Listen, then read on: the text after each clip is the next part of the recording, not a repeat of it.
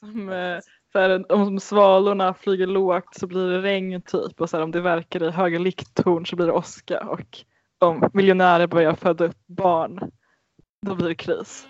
Ja, precis.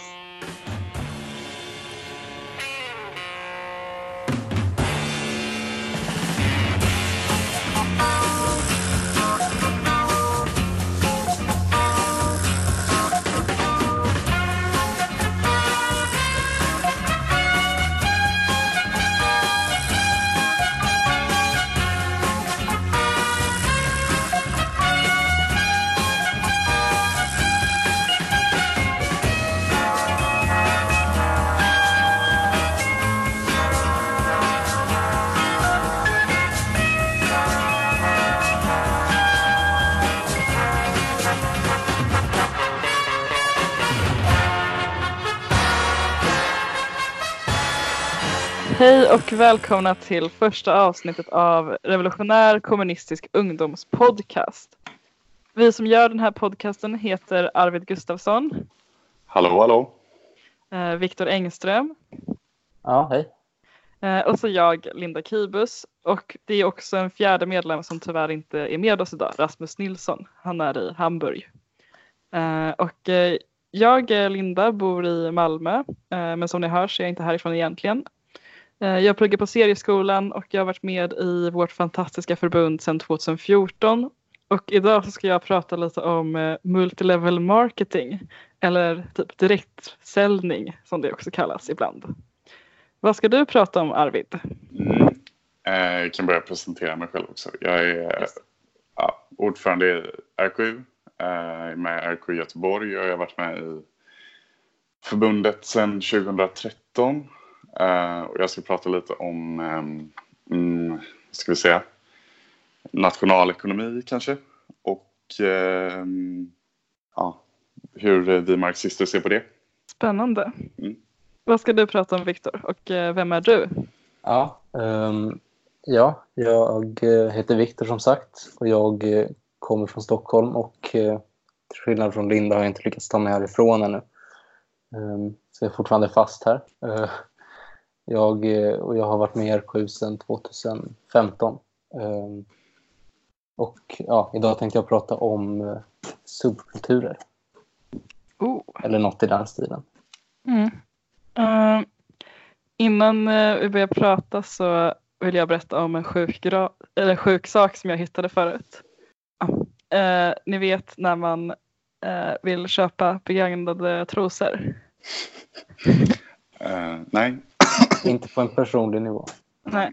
Eh, men eh, alltså trosor som någon har använt typ och sen säljer som en så här fetischgrej. Eh, och eh, jag har själv inte försökt köpa eh, trosor for the record.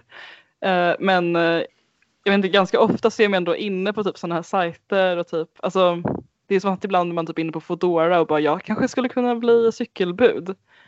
Eh, så är man också inne på typ sådana här hemsidor och bara jag kanske skulle kunna sälja bilder på mina fötter eller typ jag kanske skulle kunna sälja mina gamla trosor och känna storkovan. Um, så jag var inne på en sån här sida häromdagen, den heter Sofia Gray ifall någon är intresserad av att sälja eller köpa. De säger att de är jätte, de har hög sekretess. Uh, tips. Säkert. Ja, men det är så kul för det är en otroligt liksom fin sida. Alltså det är som typ kanske H&M's webbshop. Alltså den är jättesnyggt gjord. Och de har så här typ pressutlåtanden från Cosmopolitan och Vice typ. Ehm, och de har liksom. Jag, tycker, jag, tycker, alltså jag, måste bara, jag tycker det är mer ett, ett liksom oros, ett dåligt omen att, att få ett, liksom, en rekommendation från Vice. Ja. Jag kan liksom inte se hur det skulle vara något positivt. Jag, sk- jag skulle inte skryta om en sån sak. Men det är också typ den rubriken som de har. Det är typ så här. This woman made 5000 dollars a month selling eh, used underwear. Alltså som att de typ har betalt Vice för att skriva den artikeln. Som sådana så här reklamartiklar som kommer på Facebook. Ja. Um, men till exempel en, eh, de har sådana testimonials också från köpare och säljare på sin sajt. Typ. En säger så här. Um, As a long time buyer of used panties, i struggle to find a marketplace that I could rely on to have quality items and sellers until Sophia Gray came around. Whenever I am looking for my next purchase, I know exactly where to go. Uh, så ja, ni, ni ser, det är jätteseriöst. Uh, de är härliga va? Uh, och det är liksom, jag vet inte, de har mycket sån stories med så här, vi började som ett gäng vänner som ville skapa en bra sida för folk som ville köpa trosor och nu uh, är vi ett jättestort företag, tänk vad det kan gå. Typ, så här. Uh, härligt entreprenörskap. Ett gäng, ett gäng vänner i ett garage i Silicon Valley som ville sälja begagnade underkläder. Mm, och det är köpa. helt normalt. Ja, men scrollar man ner lite till typ som man, ja, om man är intresserad liksom som man är. ehm, så kommer man på sånt här typ, ja men about us, terms and condition, bla bla bla. Men då har de också en liten flik som heter scholarship. Eh, och det står att de är pleased to announce lanseringen av sitt nya Sofia Gray Scholarship. Eh, och det går ut på att de ska ge eh, en lucky student 10 000 dollar eh, till skolavgifter helt enkelt och typ ja, men som ett stipendie funkar. Um, och det här gör de för att de älskar unga och de vill inspirera kreativitet, initiativ och individualism. Och de säger att studenter är eh, nästa generations ledare. Eh, men eh, hur ska man då få det här begagnade trosstipendiet? Det kan ju vara viktigt för er att veta också ifall ni skulle vilja plugga typ i USA. Jo, man, först måste man ha typ ett ID och man måste plugga någonstans, man måste vara över 18, eh, skicka in sitt CV och så. Och sen så ska man också då som liksom men kronan på den här förnedringen typ av att ta emot det, deras Sofia Gray trosstipendie eh, så måste man skriva en 3000 ord lång essä som eh, svarar på följande fråga. Borde sexarbete legaliseras? Ja, Jag tycker att det är en det är för mycket typ. Det jag, jag, jag känner mig förnedrad av att läsa det. Men, men jag förstår inte, alltså vem måste man liksom själv sälja underkläder för att kunna få det här? Eller kan i princip alla? Så, alltså vad, vad, vad är konceptet? Vill de bara... Men de, de vill bara stötta ungdomen för de älskar the next generation of industry leaders. Okej. Uh, we want to help you. De är bara ett härligt snällt företag typ. Alltså jag får sådana extremt eh, så här, humans of late capitalism-vibbar. Att, Ja. eh, eller, det känns som bara som ett sånt galet symptom på hur sjukt vårt samhälle har blivit. Uh, Ja, men det är också typ att för att man kanske redan använder sådana sidor för att eller det brukar också vara en sån sak som står typ på sådana sidor så här With the, the help of this site I could pay my college fees typ. Uh, och jag ska prata lite mer om det sen när jag pratar om multilevel marketing för det är också sånt. Uh, de brukar också säga sådana saker. Men så det är liksom man, inte nog med att man måste så här, sälja sina trosor typ. Eh, eller liksom ja, men verkligen så typ objektifiera sina kroppsvätskor. Eh, att man måste dessutom eh, skriva en jävla essän typ för att få ihop pengar. Ja. Eh, det, var, det var min sjuka grej. Har det hänt eh, er något sjukt i veckan?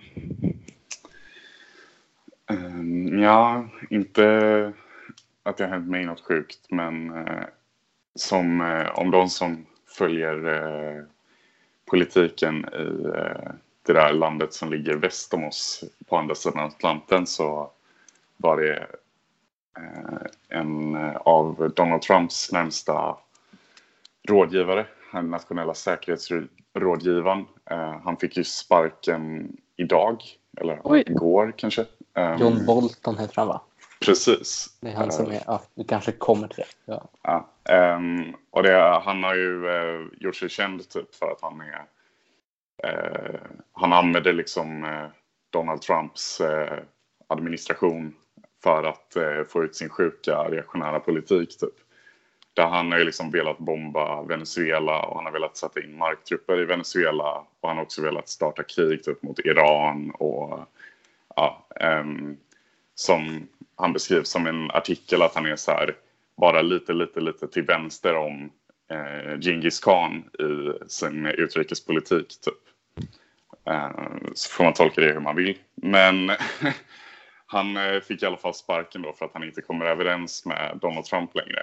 Och eh, det är ju eh, inte så synd om honom för han är ett reaktionärt svin. Men eh, det är intressant med eh, Donald Trump för han, eh, han sparkar ju de han anställer hej vilt och eh, ja, eh, det här är alltså hans tredje nationella säkerhetsrådgivare på, vad är det nu, två och ett halvt år typ. Och eh, frågan är hur, vem som skulle vilja ta ett jobb eh, hos Donald Trump nu. Eh, Trumps säkerhetsrådgivare är det nya prekariatet. Ja, exakt. um, det som är intressant med John Bolton är just det att han är, han är så eh, vidrig i eh, vad, vad han vill uträtta. Och han är också eh, att han har gett så mycket makt under då Donald Trump. Eh, att han ville starta liksom tredje världskriget typ. Och de här, man har ju kunnat läsa liksom om att det blir liksom värre förhållanden mellan Iran och USA eller mot Rys mellan Ryssland och USA. Och det är lite John Boltons fel för att han vill driva på den här utvecklingen där eh, man inte har några diplomatiska förbindelser utan man bara så bombar ett land istället. Typ. Men eh, ja, så han, han fick sparken och det kan vi faktiskt vara glada över istället ja. för att eh, beteckna det som något sjukt. Mm. Mm. Heja Trump! Ja, precis. det är vad jag tar med mig från mm. den här informationen. Ja.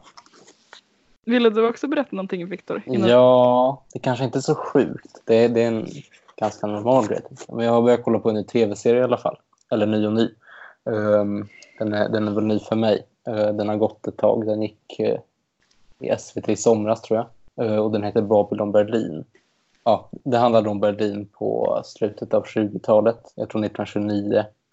Alltså det, det, är en rätt lös... Eh, alltså det finns en huvudperson som är en eh, ja, någon slags poliskommissarie. Men det finns också massa, massa parallellhandlingar.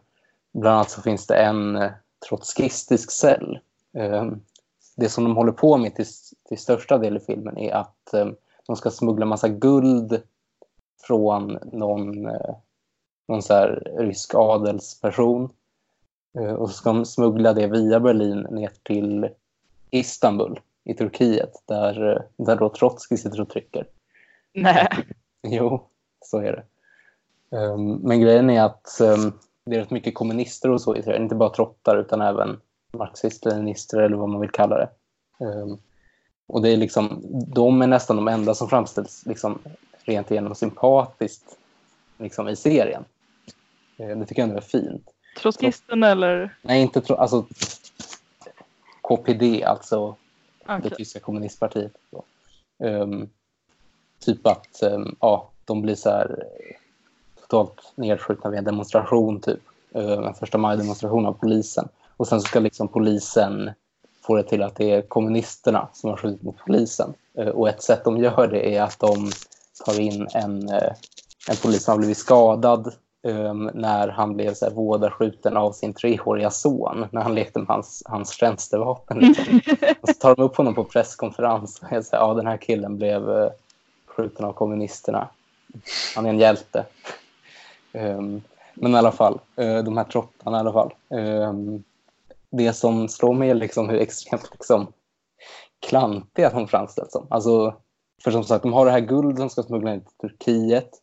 Um, men liksom för att göra det här så har de gjort en deal med någon slags maffiaboss. Och liksom, det går väldigt dåligt för dem. De klantar till det hela tiden och sådär. Um, typ deras ledare dör nästan när han ska leta upp det här guldet. Men sen så har de liksom bytt plats på vagnarna i det här tåget. Så istället öppnar han liksom ett tåg fyllt med giftgas och dör nästan. Och han dör nästan flera gånger. Det är en återkommande ja, grej. Mm. Um, men det som är kul med det här är i alla fall alltså hur extremt stort allvar vissa så olika mikroskopiska så här, trottorganisationer tar det här på. Att de skriver så här, långa artiklar, så här, fact check typ. Och så, här, så här var det faktiskt inte. Det, det fanns ingen fjärde international, de pratar om fjärde internationalen då. Den fanns inte 1929, den bildades 1938.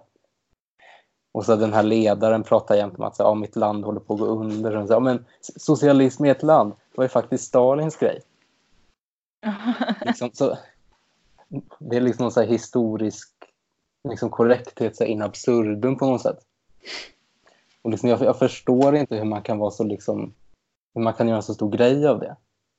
Så det känns inte som att andra gör det på samma sätt. Alltså, jag, jag det, det är liksom alltid typ lite gulligt kanske när trotskister ser sig själva som en förtryckt grupp. Typ. Ja, Att det, alltså de reagerar ju på det på samma sätt som att man kanske är så här, det här var inte en bra representation av homosexualitet i film. Så här, ja, det här var faktiskt felaktigt. ja exakt. Liksom det, det finns en scen typ där Brian Ferry, ni vet Brian Ferry i Roxy Music.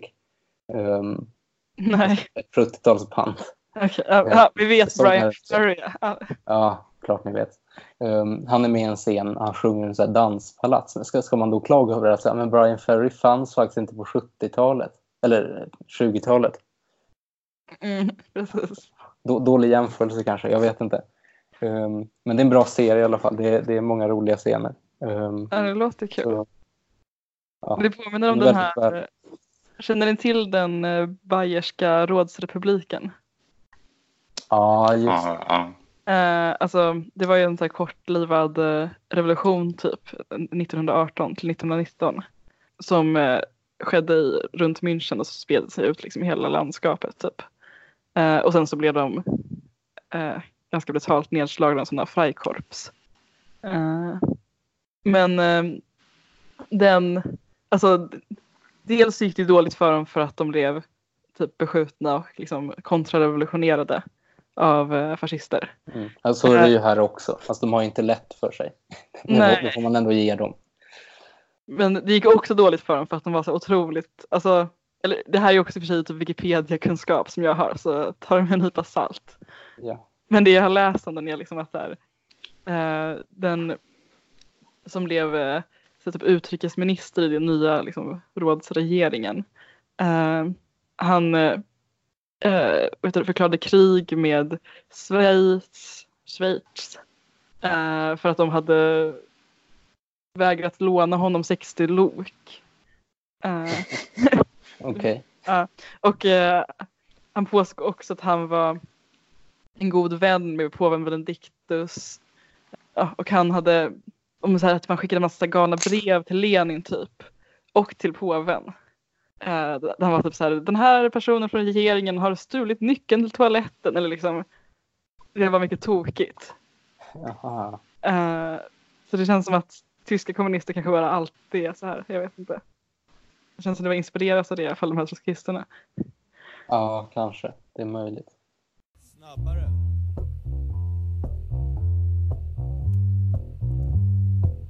Nej, det är för sakta. Ja. Känner ni till uh, multilevel marketing? Ytligt. Ja, det är ja, sån, inte förrän du nämnde det. Typ. nej. Men det är en sån grej nu att eh, man, alltså förkortningen MLM, i, det är liksom typ kanske lika stor chans att det betyder marxism, leninism, maoism eller men loving men eller multilevel marketing. Eh, och det tar alltid så här ett litet tag tills man vet vad folk snackar om. Har ni varit med om det, ni som är kommunister? Förvirring kring förkortningar. Eller? Ja, ja, eller just eller MLM typ. För det är ändå tre saker som används ofta tänker jag. Ja, jo. Nej, Speciellt jag på har aldrig internet. varit med om det. Nej, okej. Mm. Eh, för mig är det här ett återkommande problem. Eh, men jag tycker det är lite kul med multilevel marketing för det som Alltså konceptet, det kallas också för typ network marketing eller typ direktförsäljning, nätverksförsäljning kanske. Eh, så, men det är lite typ som ett pyramidschema. Eh, som eh, konceptet är liksom att det finns någon som har startat det här företaget, sen så har den värvat fler personer och så ska de värva fler personer och så vidare. Men ett pyramidschema det är ju som ett typ ett lotteri fast olagligt. Och det är att eh, då är det bara att man betalar liksom en eh, inträdesavgift och de pengarna går till liksom personen på toppen av pyramiden. Och sen så får tanken att man ska få mer pengar genom att värva fler. Men ja, tänker man på det lite längre så förstår man ju själv att pyramidscheman inte funkar liksom för att man kan ju inte värva oändligt antal människor. Utan det är alltid någon som kommer vara på botten och förlora. Men sådana här multilevel marketingföretag de funkar liksom på ett liknande sätt fast de har också en produkt de säljer och därför är de inte olagliga. Så man har en sån produkt eller flera liksom, produkter, typ eh, Tupperware, ni vet sådana matlådor i plast. Ja, just det. Det är ju ett multilevel marketingföretag. I alla fall, man har en sån produkt eh, och sen så både säljer man det men man värvar också säljare och alla de säljarna som har värvat eh, får man liksom provision på. Ah, ja. Eh, Så att allting som de köper och säljer får man en viss procent på och sen som de värvar fler så får man en procent på deras procent och så vidare. Hela liksom, alltså sättet man blir rik på genom ett sånt företag är ju inte att sälja saker utan det är att värva fler personer. Och därför så blir man ju också lurad typ för att man kan inte eh, Alltså det är ju alltid, grundar sig alltid på att någon kommer tjäna lite med pengar. Eh, och några ska tjäna mycket med pengar. Eh, och eh, man, ja, eh, det finns typ så här. Det som är mest känt i Sverige är väl typ Tupperware. Eh, jag har försökt googla lite typ för jag har själv inte så mycket erfarenhet av det. Men jag har ändå hittat typ så här kanske, jag vet inte, Swedit-trådar och Flashback-trådar. Eh, där folk eh, skriver, beskriver det som liksom ett stort problem. Typ så här, alla från min gamla högstadieklass försöker sälja saker till mig. Så här, hjälp. Uh, men då kanske det det finns ett företag som heter Oriflame som typ gör, det är ett svenskt företag men de verkar sälja mest ute i Europa.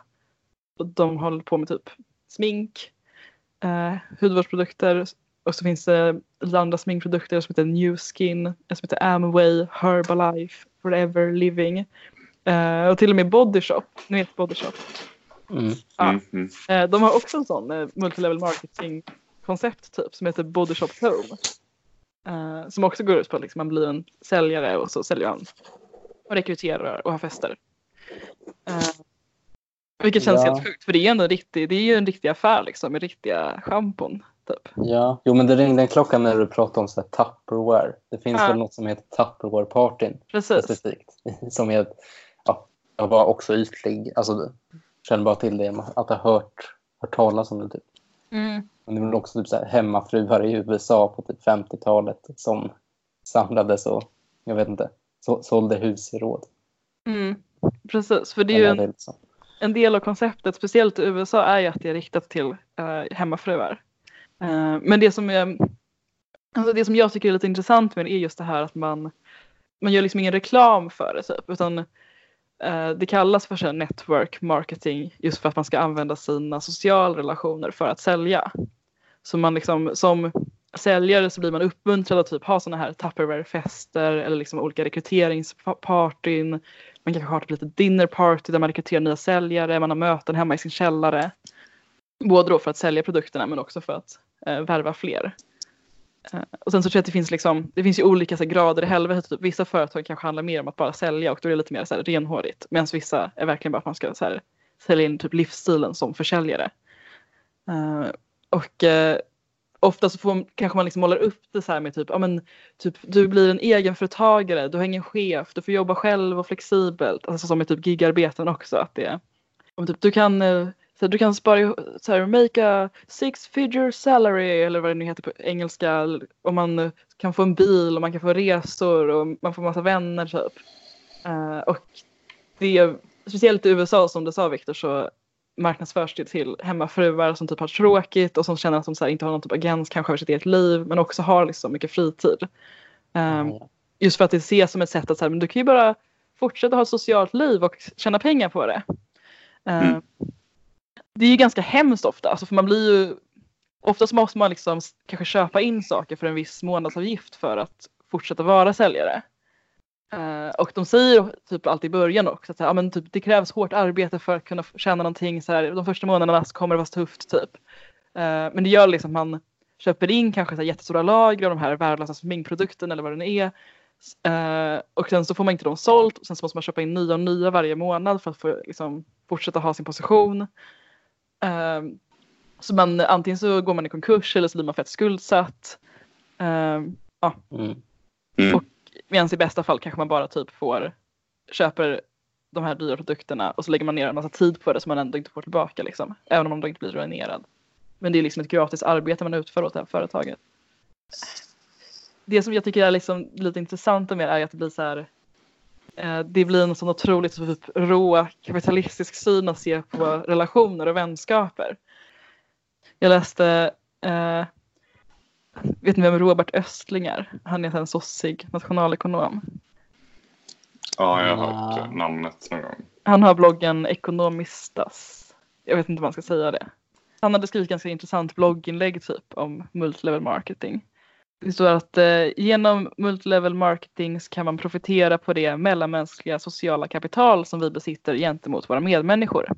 Att ha mycket socialt kapital gör att man kan förvänta sig många tjänster från människor i sin närhet. Dessa skulle därför kunna tänka sig att köpa en vara från en person i sin närhet för att göra personen en tjänst. Socialt kapital kan på detta sätt omvandlas i pengar för företagen och säljare som deltar i marknadsföringen. Detta kan vara långsiktigt hållbart eftersom det sociala kapitalet kan återskapas genom nya relationer och genom andra gentjänster. Till exempel genom att vara allmänt schysst. Ja, eh, han har ju en väldigt här, nationalekonomisk syn på det kanske. Att, Mm. eller det låter ju väldigt rått. Socialt kapital kan omvandlas till pengar. Eh, Ja. Men det är också sant liksom att för att folk känner sig kanske tvungna att liksom värvas in i det här eller liksom köpa saker av en för att vara snälla. Alltså det är som typ när man säljer jultidningar som barn. Uh, det är ju att folk köper ju inte de grejerna för att det är bra grejer. De köper ju för att det är ett barn som säljer typ. Om man har mycket vänner och har ju varit snäll mot de vännerna så kommer de ju också till en början vilja liksom betala tillbaka. Eh, men det sjuka är ju liksom att man själv gynnas ju inte av det utan det är ju företaget och liksom den personen som rekryterar den som gynnas av det. Eh, Mm. En annan intressant sak med det tycker jag är att, att det representerar liksom någon sorts otrolig så amerikansk dröm, kapitalistisk idealbild. Typ. För att det ser, alltså, när man lockas in i det så är det typ så här, det är som att ha ett eget företag. Du kan så här, ha, bygga upp så här, ett eget team med folk som är liksom under dig. Um, du kommer tjäna massa pengar, åka på resor, här, leva ett lyxliv och så vidare.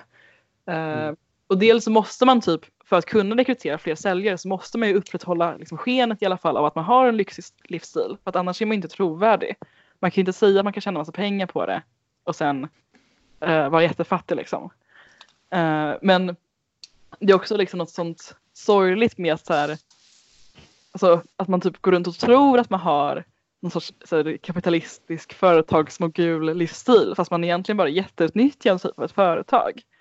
Uh, alltså det är verkligen en total luring. Uh, ehm, vi kommer tillbaka lite till det som Marx skriver om eh, uh, varufetischismen och kommodifieringen uh, i kapitalismen, skriver han i Kapitalet. Så uh, mystifieras liksom relationen mellan uh, samhällskrafter och mellan varor, eller själva varan och uh, de martiella förhållanden som producerat varan. Så att när man ser till exempel en, ett par byxor så tänker man inte direkt på så här, de barnen i Bangladesh som gjorde de byxorna eller transportnätet. Utan man ser det bara som en vara, liksom en byxa. Mm. Um, ja, och det är väl ett så här vanligt förekommande tema kanske i så här 1900-talets konst. Typ, för att det är en sån sjuk grej med det kapitali- kapitalistiska samhället. Att man, ja, den här varufetischismen. Och ett, ett led i liksom den, det fetischerandet, eller liksom mystifieringen av allting är ju också det här att man typ lurar sig själv att tro att man är någon sorts chef eller liksom en kapitalist typ fast man egentligen bara är eh, en slav. Eh, En arbetare.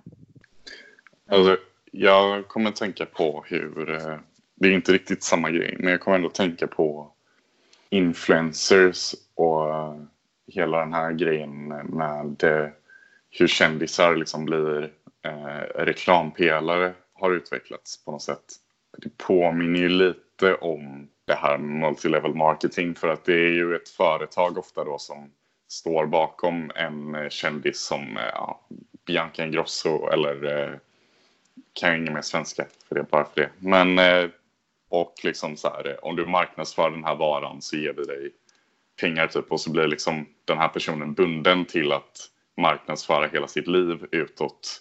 Eh, och på, på något sätt så här, skapa en bild för sina följare av den här varan typ.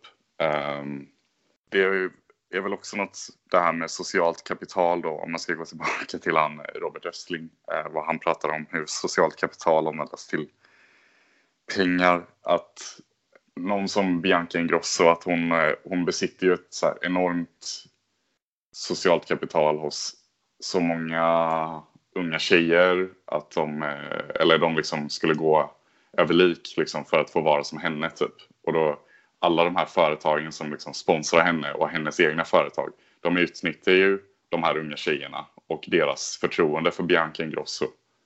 Eh, lite på samma sätt som Tupperware eller ja, Body Shop utnyttjar eh, individer på en annan nivå. Um, Och det, det är ju sjukt alltså hur, eh, ja, hur, eh, hur kapitalismen liksom kan bita sig fast i våra sociala relationer och liksom göra, göra om oss på något sätt. Eh, Mm. På det sättet som du beskriver för oss. Eh, ja. Ja, verkligen. Jag, jag, inte, jag kommer att tänka på boken, eller förlåt, stridsskriften. Eh, eh, reklamen är livsfarlig heter den. Eh, har ni hört talas om den? Det är han eh, Lindqvist som har skrivit. Eh, Mm. Han som också har skrivit, ja, heter den, Utrota varenda jävel, han som dog i våras. Precis. Rest in power. Um, Ja, rest in power. Verkligen. Ehm, ja, men han skriver, minns jag, typ om eh, jag menar, alltså dramatiken som omges, eller som liksom omger köpandet. Men den finns på, på Libris. Alltså det är ett, ett stycke ur den som jag skrev upp för jag tyckte det var så himla träffande. Jag kan bara läsa upp det. Typ. Um, den moderna affärsmannen har förstått att de flesta varor i neutral miljö inte är särskilt åtråvärda för oss. Därför har köpandet och säljandet gjorts till ett stort folkligt drama i vilket, i vilket varornas objektiva egenskaper ofta har lika liten betydelse som konstfrukternas ätlighet på scenen. Att man köper över en till ytterlighet elegant disk har uppenbarligen ingenting med varans användbarhet eller med effektiv distribution att göra. Men det har samma betydelse, betydelse för illusionen som kulissen på teatern. Den har samma betydelse för kulturen som altaret i kyrkan. Men Jag vet inte, alltså det är väl lite samma sak Mm. där med det här att man ska liksom ja, men måla upp det som att ja, jag har en så liksom flådig livsstil. Jag kan jag bara glider runt och säljer de här och är en så himla lycklig idealisk hemmafru typ. Ja, det är ju roligt också att, det, att varan ofta blir sekundär typ. Det, är Mm. liksom, ehm, alltså det blir ju verkligen som en liten kult eller liksom en mysticism. Som att man är typ en hemlig religiös eh, grupp kanske. För att folk, de låtsas ju de här säljarna att varan är jättebra. Att det är liksom en jättebra juice eller en jättebra och tror så här, ovanligt bra eh, skönhetsprodukter. Men det är ju liksom bara skräp ofta. Alltså det är någon så här Mm. vitaminblandning typ i en fin flaska. Ehm, och sen så är ju också på alla deras liksom, interna säljmöten och sånt, eller liksom, av vad jag läst mig till så är ju alltid varan sekundär. Sen det handlar ju alltid om så hur man ska värva in fler folk i den här livsstilen. Jag tänkte säga en till sak om det här och det är att det är kul för att det är ju många jag vet inte, alltså det känns som att det är lite så här en internetgrej typ på Reddit eller Facebook att hata på multilevel marketing. Eh, för att det är störigt ju. Ehm, och det finns liksom många, ja men det finns en subreddit för det. Jag är med i en Facebookgrupp också för jag tycker det är väldigt intressant. Eh, Men alltså en vanlig sak som eh, folk som håller på med multilevel marketing som vill värva folk säger det är att de är så här, men alla företag har ju en pyramidstruktur typ. Eller så här, eh, typ bara för att eh, någonting ser ut som en pyramid är inte dåligt. Eh, och att eh, då eh, kanske de här personerna som hatar multilevel marketing men som liksom inte är så politiska i övrigt. Eh, de brukar säga typ så här, nej det är inte som andra företag för att så här, eh, i, va- i normala företag så är man inte uppmuntrad att rekrytera in folk och liksom, man tjänar inte pengar på varandra direkt på det sättet och så.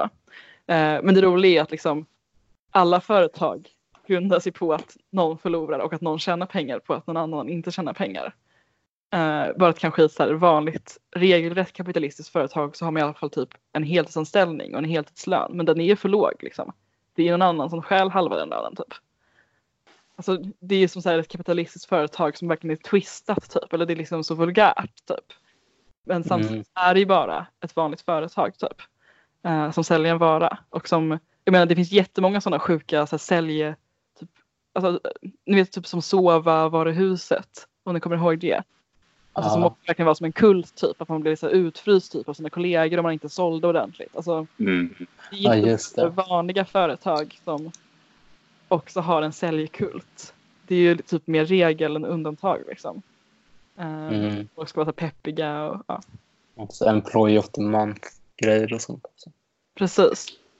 Eh, men det är också kul tycker jag med det här för att man känner typ igen sig lite som en vänsterperson kanske. Alltså man, eller för de är ju ändå väldigt duktiga på att typ så här värva in folk i saker som folk kanske först är lite skeptiska till. Uh, och det är ju ändå sånt som man själv typ tänker på, så här, hur ska jag presentera kommunismen för någon som inte gillar kommunismen. Uh, jag vet att till exempel typ eh, vissa trotskistorganisationer använder sig av det här att man kanske först träffar typ en mentor eller liksom en person i organisationen innan man får gå på ett möte för att så här, den personen ska typ eh, introducera en. Eh, och så funkar ju typ multilevel marketing mycket också. Ehm, och eh, även vi har ju kanske så här, sympatisörsmöten Eh, och det finns det här kanske, ja, men, som du brukar prata om Viktor med typ dubbelmaoisterna och ägg och stenar. Ja, just det. Eh, att vissa personer ses som så här, eh, potentiella medlemmar och vissa personer är så här, har ingen utvecklingspotential. Eh, så de liksom dumpar direkt, de är inte så här värda besväret. Eh, och det är inte jättekonstigt, alltså jag menar inte att det är dåligt typ att vänstern gör sånt också för det är bara så normala värvningstaktiker, eller så här, det är så man pratar med folk som man vill ha med i sitt förbund.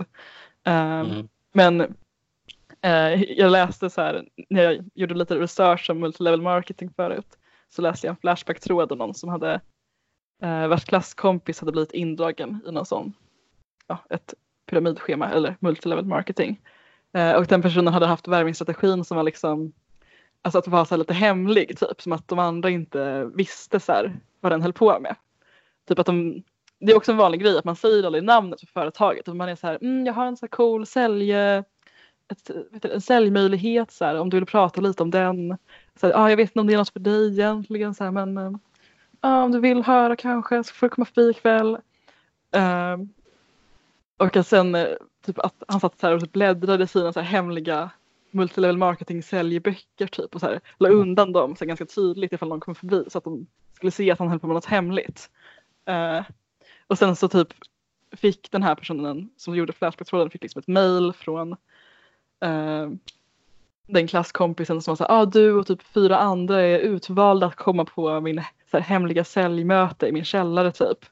Eh, för så här, och då har de liksom blivit utvalda för att de har så potential. Eh, men det är roligt för att jag har själv fått ett sånt mejl ju från Oktoberförlaget. Eh, 2016 så fick jag ett mejl som var så här, eh, typ Hej, vi skickar denna information till dig då vi tror att du eventuellt kan ha intresse av denna nyutgåva. Oktoberförlaget har återuppstått. Eh, och så berättar de om ja, Mao Zedongs, med, anled med anledning av Mao Zedongs nyvunna aktualitet eh, har vi beslutat att publicera en antologi med filosofiska texter av honom. Och så vidare.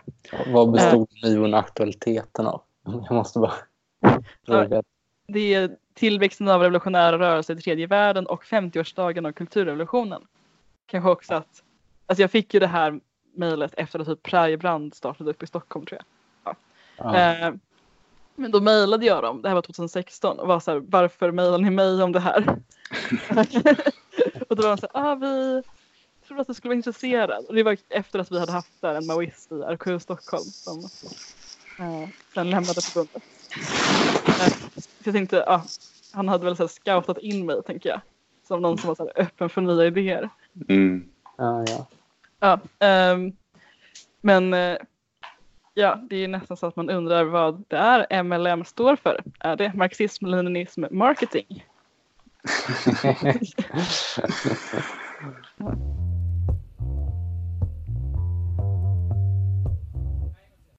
hittade någon text för ett tag sedan i alla fall på nätet som handlar om just eh, tema subkulturer ur, eh, ur något slags marxistiskt eller i alla fall marxistiskt influerat synsätt. Um, men jag vet inte, jag, jag har jag, har som sagt, jag var som sagt mods typ i mina tidiga tonår. Vilket är så jag vet inte vad jag, vad jag ska liksom, Ja, Hur hur gammal, man ska är du? utvärdera det. Uh, hur gammal jag är nu eller hur gammal jag var då? hur gammal är du nu? Uh, 20. Så man förstår att det här var liksom typ Ja, fem det här år var länge sedan. Precis. Eh, högstadiet. Eh, sedan. Eh, Jag var ju själv konventare eh, och det skäms jag för. Men eh, jag har också sånt typ popparkomplex. Alltså att jag önskar verkligen att jag hade varit poppare. Och det var värre förut när jag bodde i Göteborg för då var det som att jag var mer så här närvarande. Eh, hur hemskt det var att jag inte hade fått vara poppare. Ja, det har alla ett pop-up-förflutet. Mm, men och då har jag typ suttit och googlat ibland på poppare.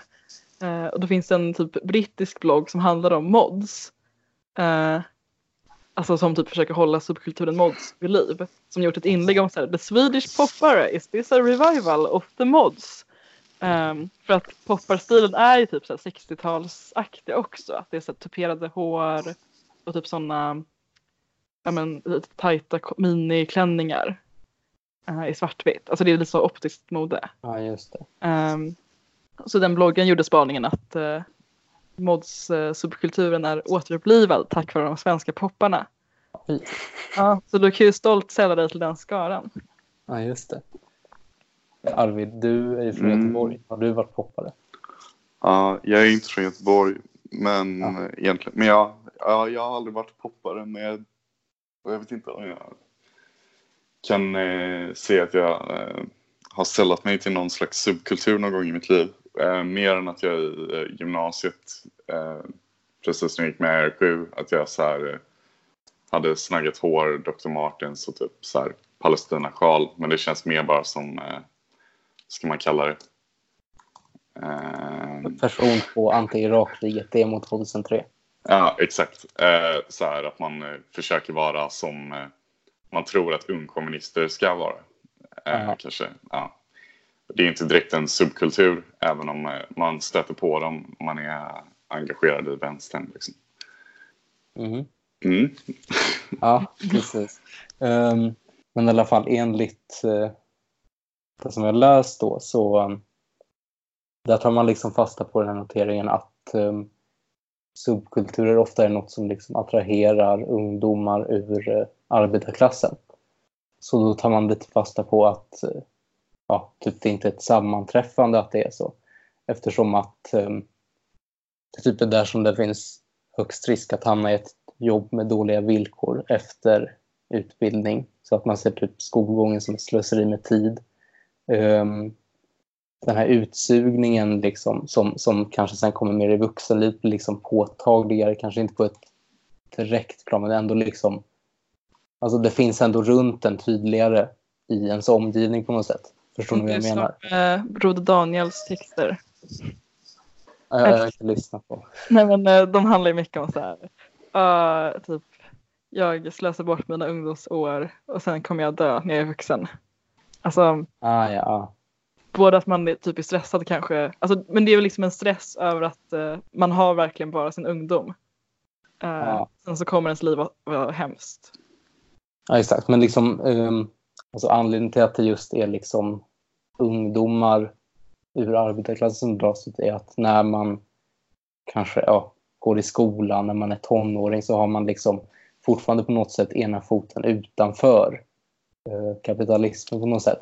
Man behöver inte, ja, inte i väst i alla fall, eh, eh, lönearbeta för sin överlevnad typ. Um, man har ändå ingen typ, familj att sörja för och så vidare. Um, så man kan ändå typ, ställa sig lite utanför det på något sätt. Mm. Um, så synen är liksom att det blir eh, alltså en typ av motstånd eller protest um, typ mot en framtid som man inser kanske inte kommer bli så fet. Typ. Um, så det blir liksom ett sätt att uttrycka frustration i princip. Och så menar man då att det här formen liksom är annorlunda. Typ som att ja, uh, skinheadkulturen försökte liksom ta mycket av de här liksom klassiska jag, jag vet inte, arbetarattributen som så här rakade huvuden, så här stövlar, hängslen och sådär. Och liksom till en överdriven nivå. Um, som ett sätt att göra motstånd mot ja, outsourcing och så här. Att uh, så här klassiska arbetaryrken försvann. Och på samma sätt med jag vet inte, att, att mods i Storbritannien så här, hade på sig så här skräddarsydda kostymer och prydliga, prydliga frisyrer. Typ att det var någon slags, jag vet inte, appropriering nästan av, av borgarklassens stilmarkörer. Något sånt. Men när jag läste det här så kom jag i alla fall att tänka på ett begrepp som heter punkförflutet. Känner ni Ja. till det begreppet? Är det typ att eh, alla har varit punkare på 80-talet? Ja, lite så. Um, 70-80-talet. Uh, det är ett, ett begrepp som jag stötte på på den underbara hemsidan Nissepedia från början. Ja, Um, Vad sa du att den hette? Nissepedia som smeknamnet för Nils. Mm. Det är ganska mycket vad det låter som att man har ett förflutet i punken. Men det som är intressant är liksom att um, i vissa kretsar så anses det väldigt liksom fint och coolt att ha ett förflutet inom till exempel punken. Um, de radar upp personer som eh, har varit före detta punkare. De tar eh, till exempel före detta rikspolischefen då, Dan Eliasson. Um, Ja, var det han som var i den Knulla i Bangkok-bandet? ja, exakt. Yes! De, de släppte en singel som heter Knulla i Bangkok. Vänta, jag, jag kan texten. Om ni... Den som är eh, Men väl fan vill ha en svensk tjej, en discofitta utan hjärna. Jag sticker till Bangkok. Du, du, för att köpa mig kärlek och så vidare. Ja. Ja. Men det är inte bara han i alla fall. Det är bland annat även Stefan Karlén som är chefsekonom på Handels. Han var tidigare med i ett punkband som hette Arabens anus. Nej. Um, jo. Um, och så också Anders Ygeman såklart. Han dyker ju upp hela tiden i sånt här. Uh, han, han var inte med i något punkband men han har sagt flera gånger och det verkar som att han vill lägga väldigt stor liksom, vikt vid att hans favoritband är Carter 77. Jaha. Mm. Ja, och Fredrik som- Reinfeldt spelade ju Staten med kapitalet i sitt sommarprat. Ja, just det. Um, men det man kan se här är ju liksom att um, det är något som ganska ofta framhävs som liksom någon slags fördel i samhällets högre skikt på något sätt. Det, jag gissar att det har att göra med att det liksom ger en känsla av att den här personen är bara en så här skön liten underdog som bara råkat komma upp sig. Um, och inte liksom ja, någon torr tjänsteman typ de tar upp det till exempel i den här artikeln då, som att man kanske i intervjuer i SvD-magasinet eller DN Söndag kan slänga ur sig attityder som punken är en attityd jag varit med med hela livet. Och sådana saker. Mm. Um, men det som är intressant är ju att det inte är riktigt samma det här för folk med eh, ja, vanliga jobb, eller vad man ska säga. Ehm, det kanske inte är lika credit att, jag vet inte, varit punkare om man är städare liksom. Ehm, det kanske inte är lika coolt att ha, de tog upp några väldigt målande exempel här, så vi kan hitta dem. Ehm, att man har en Clash-tatuering på högra skinkan eller att man ska åka med färjan till Åbo och spela med sitt band Arg Hora i helgen.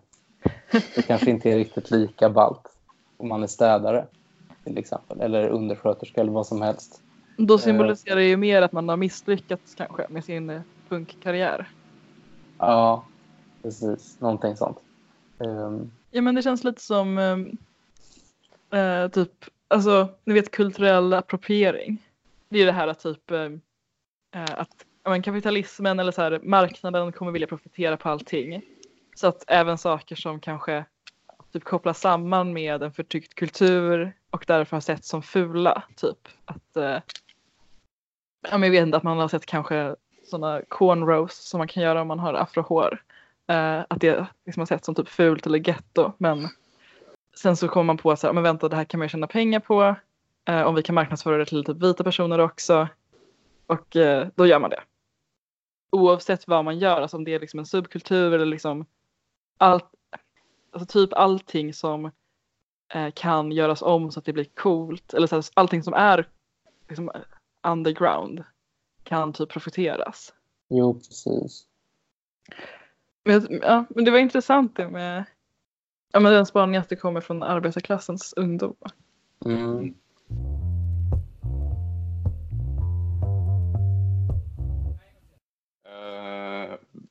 Jag tycker också, som Linda sa inledningsvis, att nationalekonomi i sig är ett väldigt tråkigt ämne.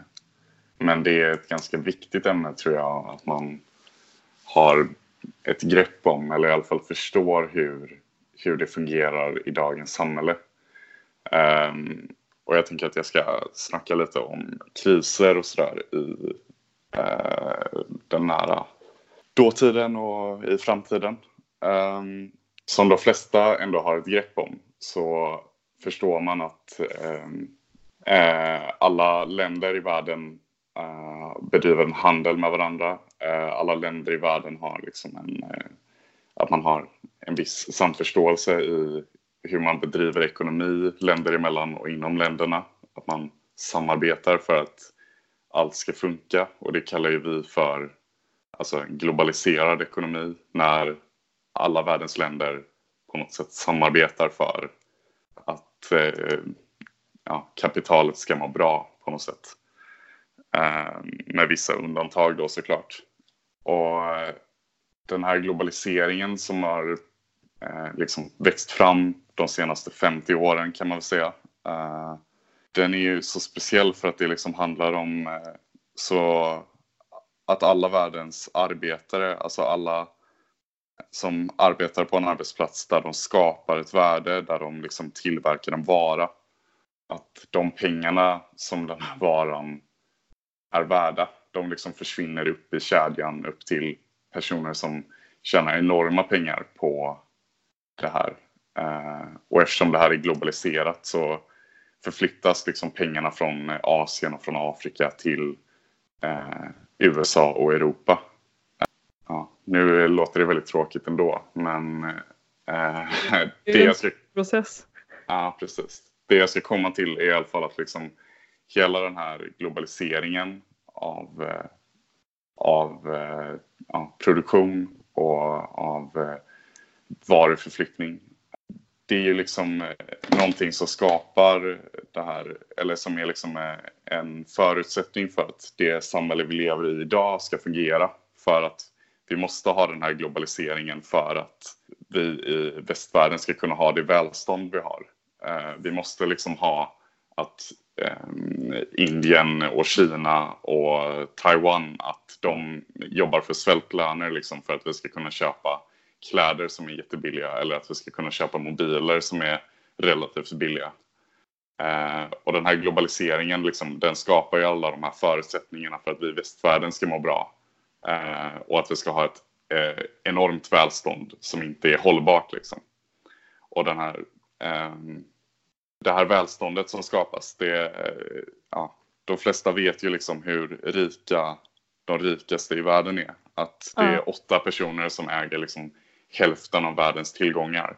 Åtta personer som äger eh, sådana enorma summor. Liksom. Och så sen är det 7,2 miljarder människor till som får dela på resten. Typ. Det är liksom, man hör den siffran så ofta att det, är så här, Mm. det blir så himla abstrakt. Alltså, Ja, eller hur? Ja. eller det är också för att jag eh, som sagt tycker nationalekonomi är tråkigt. Så jag bara så här, Mm. siffror, vad är det? Men det är sjukt. Ja, Det är inte och det. det, Ja.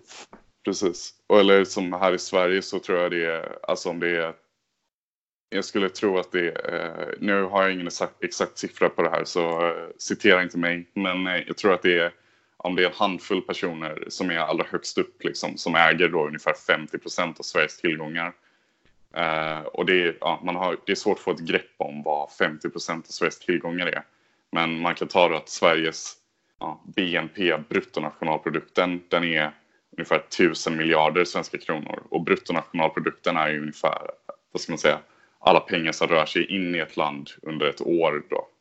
Så på ett år så rör det sig ungefär 1000 miljarder kronor in i landet.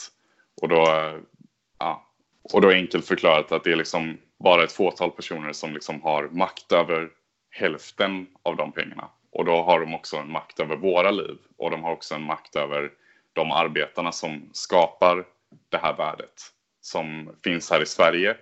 Sverige är ju liksom fortfarande ett industriland. Eh, Vi skapar eh, massa olika varor. Vi har eh, ja, Sveriges största företag Volvo liksom, ah, har ju fortfarande fabriker här i Sverige.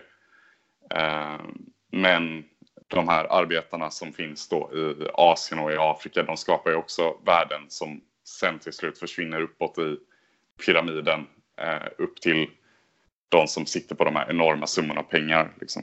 Ehm, och ett bra exempel är väl också Jeff Bezos som eh, världens rikaste person.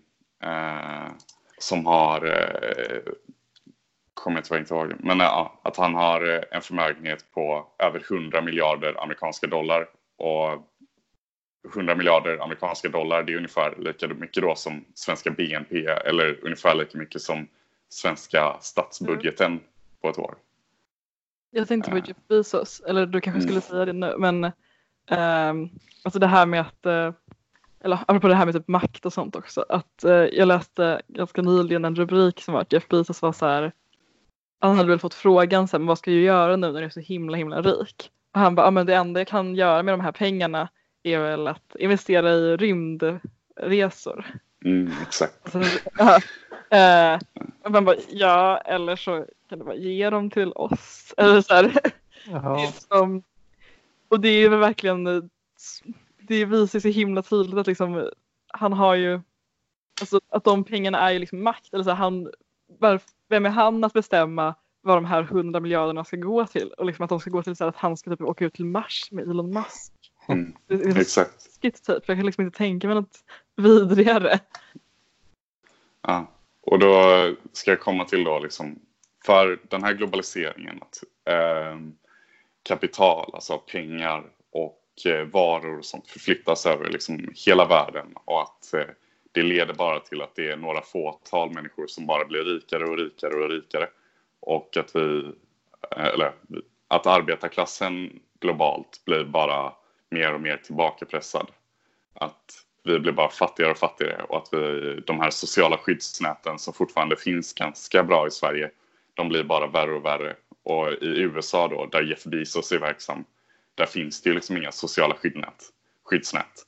Eh, jag såg häromveckan till exempel att eh, man beräknar att ungefär eh, 500 000 amerikaner varje år går i eh, personlig konkurs för att de inte kan betala sina sjukhusräkningar. Alltså det är 500 000 människor varje år som blir utblottade för att de blir sjuka. Men då för att komma fram till just det här med kriser, att eh, när liksom världsekonomin saktar in eller att det är som det är nu, att det bedrivs ett eh, handelskrig mellan USA och Kina, så försvinner ju liksom all rimlighet i, som man kanske hade kunnat tro att det fanns i ett kapitalistiskt system. Det försvinner ju i och med en kris. Ja, att eh, för det första så liksom ett kapitalistiskt system som det vi lever i idag, det bygger upp de här kriserna själva för det byggs på um, att man alltid ska ha en uh, evig tillväxt. Men um, det vet vi att det inte fungerar och då skapas till slut en ekonomisk kris och då handlar det bara om hur uh, beslutsfattarna, alltså politikerna, ska rädda sig själva på bästa sätt från eh, rädda sig själva och rädda samhällena på bästa sätt från total kollaps. Och då för sjuka siffror, eh, de flesta som lyssnar på den här podden kanske inte var så ehm, gamla när eh, förra stora finanskrisen infann sig 2007 och 2008. Men i alla fall, när bankerna i USA höll på att kollapsa så betalade amerikanska kongressen ut eh, ett räddningspaket till de här bankerna på 700 miljarder dollar. Mm. Eh, Mm. Som också är en sån enorm summa som är svår att liksom förstå hur stor den är. Typ. Ehm, och de här pengarna som, ja, som vi, eh, det är vi som är ansvariga för att, eller det är liksom vi som skapar värdet. Det är vi som ser till att det finns ett värde när vi går till jobbet. Eh, och de här pengarna, de bara liksom spelar man bort typ i en ekonomisk kris eller i eh, liksom aktiehandel. Jeff Bezos då som ett bra exempel, hans förmögenhet den byggs ju främst på att han har massa aktier i Amazon, hans företag. Um, men eh, ja, och det jag ska komma till fortsatt är ju att när den här krisen eh, utspelar sig så det är ju aldrig liksom eh, politikerna eller eh, kapitalisterna högst upp som far illa. Jeff Bezos, han var ganska rik innan eh, finanskraschen 2007. Men han är ju desto rikare idag. Så han har ju bara fortsatt liksom eh, casha in på att han är ägare av Amazon. Och det är liksom, när en kris kommer så är det alltid arbetarklassen som far illa. Och allt tyder ju på att det kommer en kris inom de närmsta åren tack vare eh, kapitalismens inneboende paradox, eller vad man ska kalla det. Att det, det uppstår alltid sådana här kriser eh, bara för att kapitalismen som system inte fungerar. Jag lärde mig det här av en, eh, jag har ju haft en proggig uppväxt och eh, det finns en jättebra seriealbum som heter Historieboken. Och den har någon som väldigt tydlig serie så jag ska se om jag kan uh, komma ihåg den i huvudet. Så här. Men det var, så, det var så jag som barn insåg att kapitalismen leder oundvikligen till kriser. Uh, ett, uh, för att hålla ett kapitalistiskt företag igång så måste man hela tiden ha någon sorts tillväxt liksom. Eller du måste få upp, man måste gå med en vinst helt enkelt varje år. Eh, det säger väl till sig själv typ, annars går man ju back. och ska man kunna konkurrera med andra företag så måste man också expandera. Och eh, därför behöver man också såklart producera fler och fler varor hela tiden för att sälja de varorna. Men då uppstår problem för att någon måste också köpa alla de varor. Eh, och eh, eftersom de människorna som köper varorna är ju också samma personer som arbetar på företag. Det är, det är ju liksom det är ju den stora massan av arbetare som typ köper saker från Amazon och det är den stora massan av arbetare som jobbar på Amazon.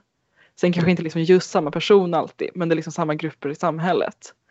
Så att för att eh, om du producerar jättemånga varor samtidigt som lönerna inte höjs så kommer ju inte folk köpa fler varor. Man börjar ju inte köpa fler varor bara för att det finns fler varor utan då måste man också ha pengar att köpa de varorna för.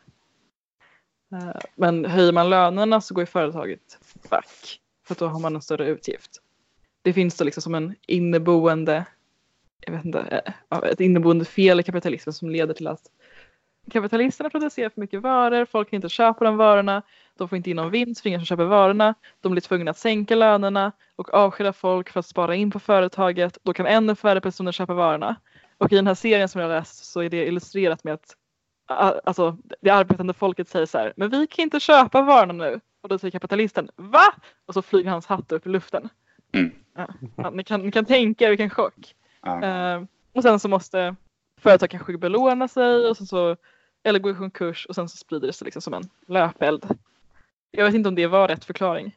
Jo, det var helt rätt förklaring. Att det är, vad ska man säga, att det är en som onda cirklar som liksom bygger vidare på Eh, det här grundläggande problemet att en kapitalist alltid måste få en högre vinst i sitt företag. Liksom. Eh, och det, det är liksom en grundläggande del i vad som skapar kapitalistiska kriser.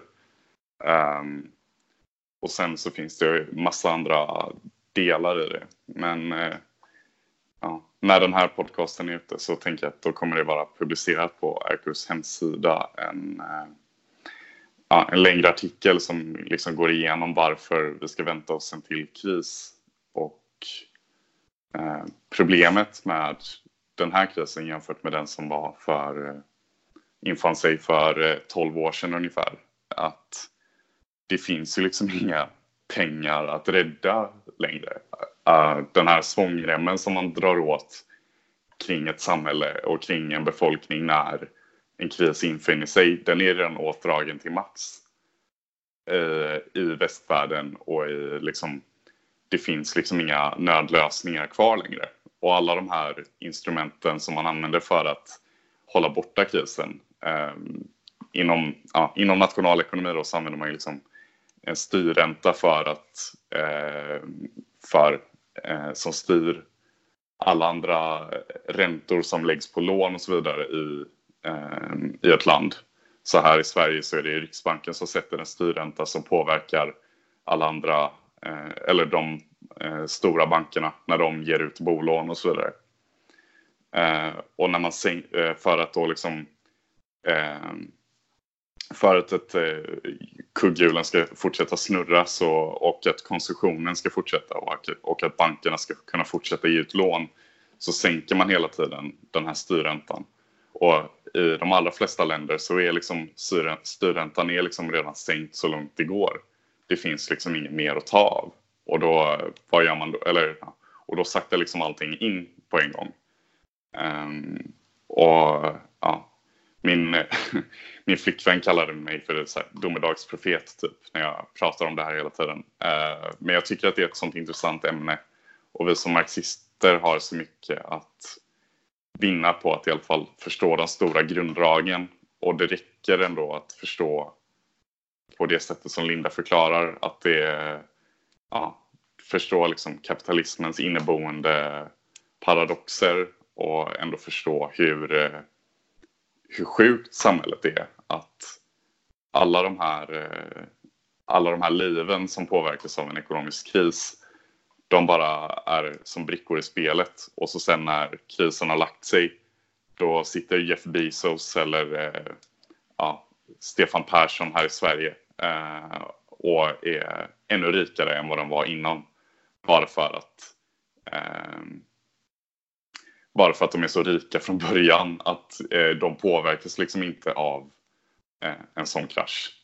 Men vi, vi som bygger landet och vi som är en del av den arbetande massan eller så, vi, vi blir av med vårt jobb och eh, ja, får gå på a-kassa och liksom, sen försvinner sjukhusen och så försvinner eh, CSN-lånen för att vi har inte råd, säger politikerna.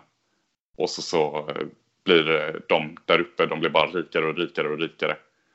Så för att avsluta så tror jag att eh, om man har ett marxistisk vinkling på nationalekonomin så kan man förstå samhället på ett eh, ja, man kan förstå samhället på ett enklare sätt och man kan också då förklara samhället på ett enklare sätt. Och eh, ja, kalla mig inte domedagsprofet för krisen kommer eh, och det kommer inte vara kul. Har du några råd till våra lyssnare som vill förbereda sig för krisen? vad, vad ska man spara? Uh, ja, man ska ju spara sånt som inte förlorar värde tydligen om man ska lyssna på så här borgerliga hobbyekonomer. Så uh, till våra lyssnare då så ska ni köpa guld och vapen typ. För det kommer inte förlora värde. Man ska bli en Uh, prepper helt enkelt. Exakt. En prepper med guld. En prepper med guld. Precis. Och vapen kommer ju också vara lämpligt när hela kapitalistiska systemet så här kollapsar typ. Uh, så det, ja. Det där tycker kan jag vara bra. kul. Alltså, för det är ju sån typisk borgerlig syn på apokalypsen eller kriser. För det är ändå som att det känns som att de flesta i samhället har något accepterat att så här, samhället kommer gå under. Eh, Mm. Antingen i klimatapokalyps eller i kapitalets ekonomiska kriser. Eh, men det är också så här, det är som att de inte fattar att typ människor är typ snälla för det mesta. Alltså, jag vet inte om det här är naivt då, men typ när det är så här snökaos och sånt så ser man ju alltid på att folk hjälper varandra. Alltså det är inte som att folk blir så här bästar så fort något inte funkar i infrastrukturen. Mm. Utan Nej, för det mesta så är man ju schysst och hjälper varandra så mycket som man kan. Sen är det klart att så här, det kommer vara jävligt ändå liksom. Men det är inte som att folk kommer så här börja typ skjuta varandra bara för att typ börsen kraschar. Ja. Hoppas Exakt. jag i alla fall. Och det, det är väl lite den här eh, som man alltid får höra som kommunist. eh, ehm, att människan är egoist i naturen. Men det är vi ju inte alls. Eh, alla så här, vad kallar man det?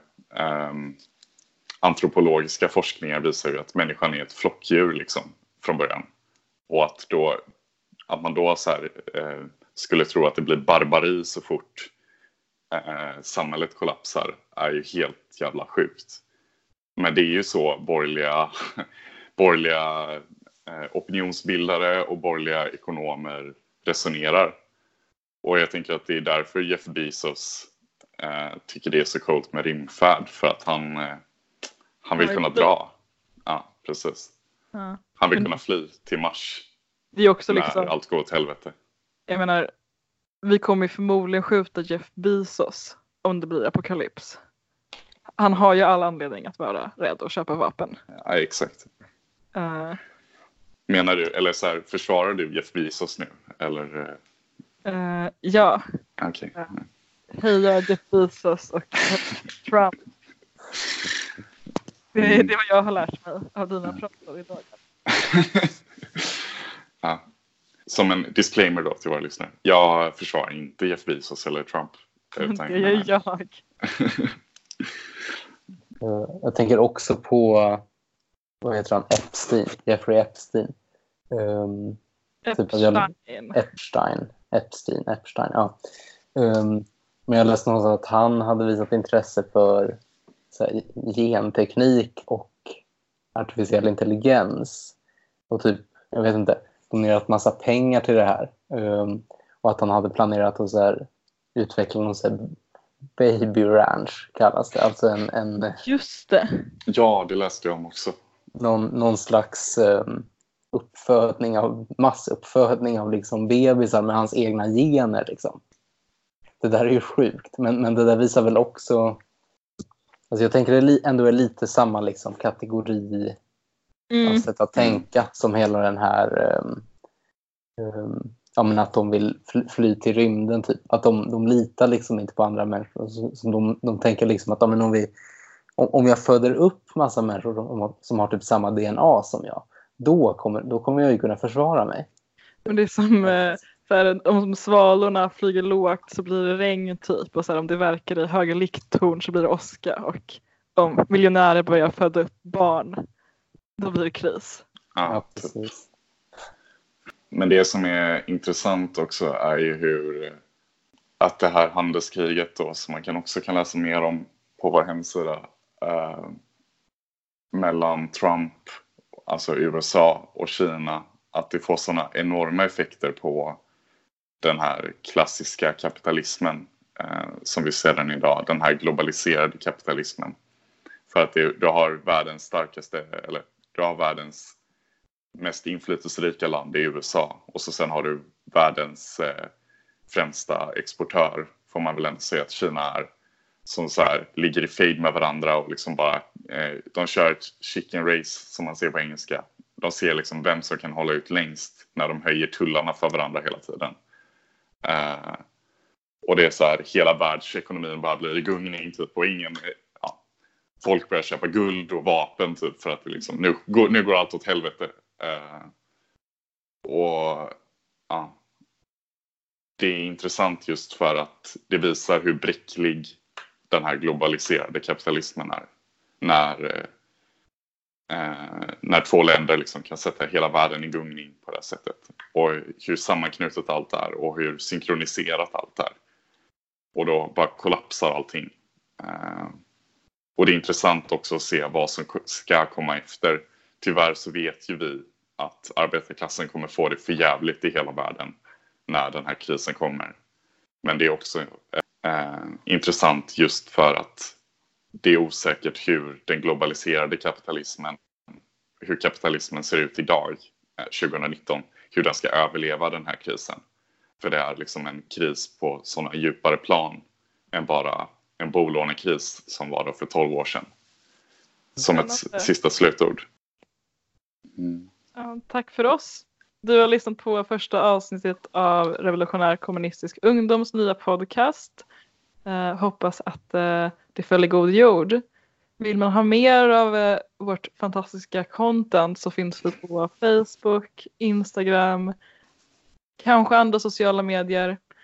Vi har också en hemsida som heter rq.nu som är väldigt snygg och ny.